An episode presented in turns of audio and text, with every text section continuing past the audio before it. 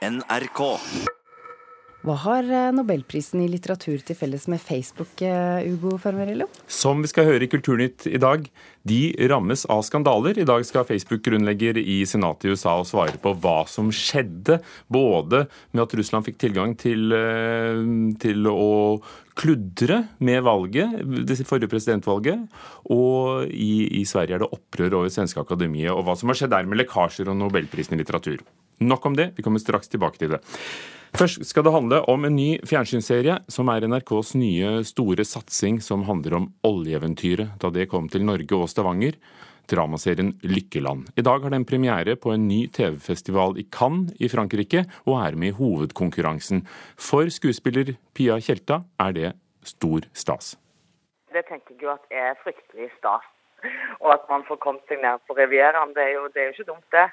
Kjoler har jeg jo nok av. Sier Pia Tjelta. Skuespilleren fra Stavanger er nå i Cannes, der de to første episodene av NRKs nye storsatsing Lykkeland får gallapremiere i dag. Lenge før den er vist på TV i Norge. Alle er her. Ja, de er så flinke. Serien der Tjelta spiller rederfrue fra sine egne hjemtrakter, er en påkostet åtte episoders krønike fra starten på det norske oljeeventyret i årene 1969 til 72. Og om jeg skal si det sjøl, det syns jeg ser skikkelig, skikkelig fint ut. Ekstremt vakre bilder. Jeg syns det ser veldig lekkert ut. Jeg syns de har uh, klart å formidle det fantastiske manuset som Mette Bølstad har skrevet. da. Sier Per Kjærstad, som spiller Tjeltas redermann i Lykkeland. Vi har vel et rykte på oss for å være en rik oljenasjon, så her er jo en måte å fortelle oss og resten av verden om hvordan vi var før vi oppdaga denne olja, og hva som skjedde med oss underveis. Hvordan fikk du tak i de? Kokken ga de til meg. Amerikanerne spiser skinnsekter. Serien konkurrerer med ni andre internasjonale TV-serier om å vinne priser i hovedkonkurransen i Cannes Serie, en festival som i år arrangeres for første gang i den franske Riviera-byen. Lykkeland er den eneste nordiske serien som er med, en stor anerkjennelse, sier regissør Petter Ness. Det er jo stor stas, og det er jo et, et hyggelig signal i forhold til kvaliteten på serien. At vi er plukket ut der, og at det er en måte å få vist den, et vindu til å vise den ut i verden gjennom. Det er jo en knallstart i så måte. Lykkeland er en av de mest påkosta seriene i Norge noensinne, med et budsjett på rundt 96 millioner kroner. Serien følger fire unge mennesker fra ulike miljøer i Stavanger i en Klondyke-periode i norsk historie. Det er lokalt, men samtidig universelt, sier Ness. Det er jo fortelling om, om, mennesker i en brytningstid. og Hva skjer med mennesker og relasjoner når det er utsikt til rikdom og, og forandring? Altså Hva skjer med moral og etikk og, og, relasjoner? Mens filmfestivalen i Cannes i mai er en etablert begivenhet, er TV-konkurransen ny av året, sier Synnøve Hørsdal, produsent og idéskaper til serien, som NRK lager i samarbeid med Maipo Film. Det, det er, største verdien av det er jo at du blir sett internasjonalt og at det kan føre til at uh, flere kjøper den. Det ser jo ut som han tar det pent. Da. Lykkeland får premiere på NRK tidligst til høsten, og er det opp til Hørsdal, blir det flere sesonger i åra framover. Her er det materiale for i hvert fall fem sesonger, hvis vi skal komme oss frem til i dag. Det vil vi gjerne. Så får vi se hva de andre samarbeidspartnerne våre blir med på. Men de er godt i gang med å, å utvikle sesong to. Og reporter her var Anette Johansen Espeland. 87 millioner brukere av Facebook ble uvitende brukt av PR-selskapet Cambridge Analytica, eller i hvert fall informasjon om disse menneskene. Og dette har etter hvert skapt en skandale og problemer for giganten blant sosiale medier. I går offentliggjorde politikerne Mark Zuckerberg grunnleggerens uttalelse som han skal avgi når han møter i høring i Kongressen og, og, og Senatet, ikke minst i USA i dag. Han kommer til å beklage og love å gjøre enda mer for å beskytte brukernes informasjon bedre. Martin Gundersen, journalist i NRK Beta. Er det grunn til å tro at brukerne vil bli bedre beskyttet? Nei, Først og fremst så vet vi at det vil bli mindre data som lekker ut fra Facebook. Men Facebook samler i stor grad den samme data som de alltid har gjort, og det er jo mye om oss. Så man kan si at eh, ja, det er mindre data som kommer til å havne utenfor Facebooks økosystem, men sannsynligvis så vil du bli like overvåka på Facebook. Han har beklaget før, og det holder ikke, sier Forbrukerrådet i dag. Har det skjedd ting eh, tidligere i, i, i, retning av å beskytte brukerne bedre? Ja, altså Facebook har en veldig lang historie fra starten med å dytte grensen for hva som er greit når det kommer til privatliv. Og de har gjennom eh, flere år fått påpekt for at de dytter grensen for hva vi som privatpersoner syns er greit. Så beklager de seg, går litt tilbake, og så begynner de å dytte etterpå. Eh, man har hatt en sånn konflikt. Kan du repetere for oss hva handler det om hva er det som har skjedd rundt det britiske PR-selskapet Cambridge Analytica, og, og, og, hvordan fikk de tak i, i denne informasjonen? Ja, så Facebook har hatt en veldig åpen portal hvor alle som har laget en app på Facebook, kunne hente ut uh, tilgang om deg og dine venner hvis du ikke hadde endra noen innstillinger på Facebook. Og De færreste har jo vært inne og endra innstillinger om personvern. Det er noe man har blitt mer klar over seinere, men rundt Cambridge Analytica, når man snakker 2014-2015, så var plattformen åpen, på vei til å bli stramma inn. Men da fikk de da henta ut informasjon om alle som installerte appen, og da 87 millioner eh, totalt, fordi man var så åpne med å dele data ut av plattformen. Men folk kan jo til en viss grad skylde seg selv? Ja, de fleste vil si som jobber med dette, at uh, du vet ikke hva du sier ja til, fordi selskapene gir deg en alt eller ingenting-kontrakt. Vil du være på Facebook, så må du si ja til overvåking. Det er ikke lov å si jeg har lyst til å være på Facebook, men jeg vil ikke overvåke så mye. Det er veldig få muligheter til å si jeg ønsker mer privatliv samtidig som jeg bruker Facebook. Det andre Zuckerberg skal snakke om når han møter til høring i dag i morgen, er at 146 millioner brukere kunne ha fått informasjon fra en eller annen russisk, et eller annet russisk kontor under den forrige presidentvalgkampen eh, i USA. Og han skal svare på hvordan det er mulig, og på hvilken måte eventuelt at andre land kan blande seg på den måten. Hva er ventet at han skal si? Altså Først og fremst vil man vente at han legger seg flat og anerkjenner at de hadde et ansvar. Han gikk eh, ganske kjent ut eh, rundt eh, valget og sa at det var helt håpløst. At man mente at jo, det var Facebook som hadde skyld for at Donald Trump ble president. Nå snur Facebook og sier i større grad at ja, vi anerkjenner at vi har et større ansvar. Vi skal ta det ansvaret. Vi skal være åpne for å snakke med politikere om regulering for å gi et inntrykk, enten fordi de mener det, eller fordi de ikke ønsker sterk regulering. Så nå legger han seg flat, som det heter. Han sier det var min feil, jeg er lei meg, jeg gründet Facebook, jeg øh, driver det, og det er jeg som er ansvarlig. Men vil det bety noe hva han sier til politikerne?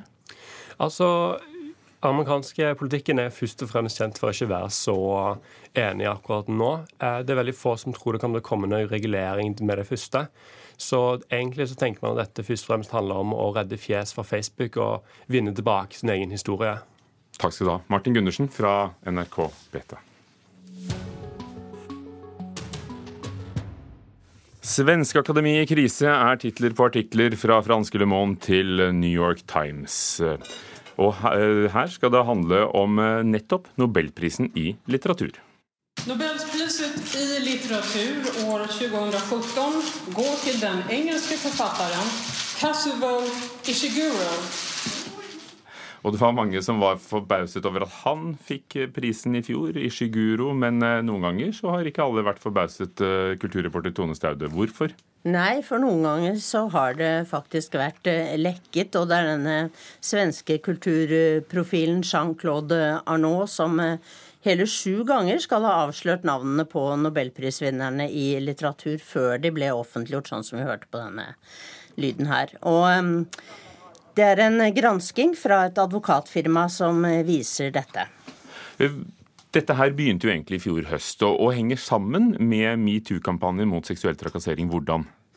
Ja, eh, Lekkasjene skal ha sammenheng med hvordan akademiet har håndtert eh, anklager om seksuell trakassering mot denne kjente kulturprofilen, altså Jean-Claude Arnault. 18 kvinner har klaget, han har nektet. Han eh, har ifølge svenske medier sterk tilknytning til svenske akademimedlem Katarina Frostensson. Flere ville utvise henne fra akademiet, men fikk flertallet mot seg. Og i Aftenbladet i dag sier den kjente kulturredaktøren Åsa Lindeborg at disse stillingene burde bli åremålsstillinger eh, for at dette ikke skulle kan gå an. Eh, gå an. Og den tidligere sekretæren i Akademiet, Horace Engdahl, sier at dagens sekretær er den verste noensinne i den flere hundre år lange historien. Eh, vekker denne historien reaksjoner også i Norge? Ja, for det handler jo om en 232 år gammel institusjon som nå rakner i sømmene.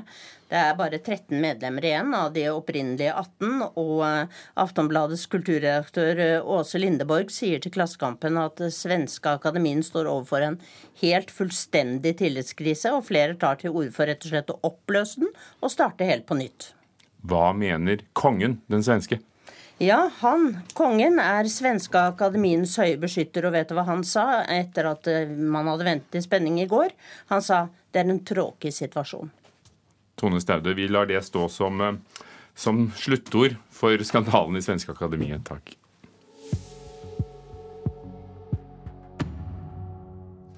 Kunstneren Per Kleiva ble ikke minst kjent for sine bilder som problematiserte Vietnamkrigen. Men også mye mer. Sterk, karakteristisk grafikk. Kleiva døde i fjor. Nå viser Kunstverket Galleri i Oslo en minneutstilling med Kleivas arbeider. Mona Palle Bjerke, vår kunstkritiker, skal vi begynne med starten? Hvem var Per Kleiva, for han er et stort navn? Ja, han regnes som en av våre mest markante billedkunstnere. Han er jo da både kjent som maler og som grafiker, og er, var med på å danne den såkalte GRAS-gruppa på, tidlig på 70-tallet, som var opptatt av å bruke dette reproduserende potensialet i grafikken til å spre kunst ut til folk. Men han var jo også en av de fremste representantene for norsk eh, popkunst, og er veldig, viser veldig tydelig den interessante dreiningen dreiningen som denne amerikanske bevegelsen fikk i Norge, eh, imot noe mer politisk. Man tok den lekende, overflatedyrkende popestetikken og ladet den med et sterkt politisk innhold. Her er jo Per Kleiva et veldig godt eksempel. Og noe av dette politiske handler om motstand mot eh, USAs uh, Vietnamkrig. Uh, hvordan er de bildene? Og det er jo blitt ikoniske bilder. Mm. Hvordan er de? Er de med? Ja, de er med, og de eh, har fått en veldig prominent eh, plass i utstillingen. Både da blad fra imperialismens dagbok, eh, som mange kjenner, der vi ser mørke helikoptre over en idyllisk blomstereng, og også amerikanske sommerfugler, hvor det også er helikoptre som har fått sommerfuglvinger over et brennende Vietnam. Og her kombinerer han noe vakkert og skremmende, og minner oss om også at en slagmark langt borte, en krig langt borte, er ikke bare et fremmedartet navn. Det er et faktisk sted der barn leker og mennesker lever sine liv eh, og dør. Og dette at han på en sånn poengtert og visuelt og formsterk måte klarer å liksom formulere et eh, visuelt budskap, det er veldig typisk eh, Per Kleiva, mer enn noe. Men de har blitt så formsterke at det er ofte nettopp de bildene du beskrev, noen av oss tenker på når vi hører navnet Per Kleiva. Men han hadde jo en lang karriere. Er det mer med nyere ting? Ja, det er det faktisk. Det er faktisk helt uh, nye ting fra 2017. Han, det var jo ikke ment som en minneutstilling, dette her. Han var med i planleggingen lenge og insisterte på å fullføre noen arbeider omtrent fra sykesengen, så vidt jeg forstår. Og her er det bl.a. verket 'Vintermusikk' fra 2017, som, hvor vi ser hans virkelig briljante formstyrke, altså som grafiker, hvor han da har med skarpe kontraster i svart-hvitt tryllet frem et mektig fjellandskap hvor en liten, ensom skikkelse sitter og spiller flygel da, i dette uttrykket. Han har jo dette ofte sånn pla formsterke, plakataktige, heftige uttrykket. Stringens er jo et stikkord. Du nevner viktig for popkunsten i Norge, Grasgruppa på 70-tallet. Eh, har han vært like viktig i fortsettelsen? og på slutten av karrieren? Det er ikke til å skyve under en stol at han hadde sin storhetstid, og den lå på 60- og 70-tallet. Men han er en kunstner som har gjort seg bemerket eh, senere også, og som har hatt en veldig formangfold. Han er mest kjent for de politiske poparbeidene, men hans kunstnerskap har også Han har malt, han har jobbet mer abstrakt, han har til og med jobbet med installasjon.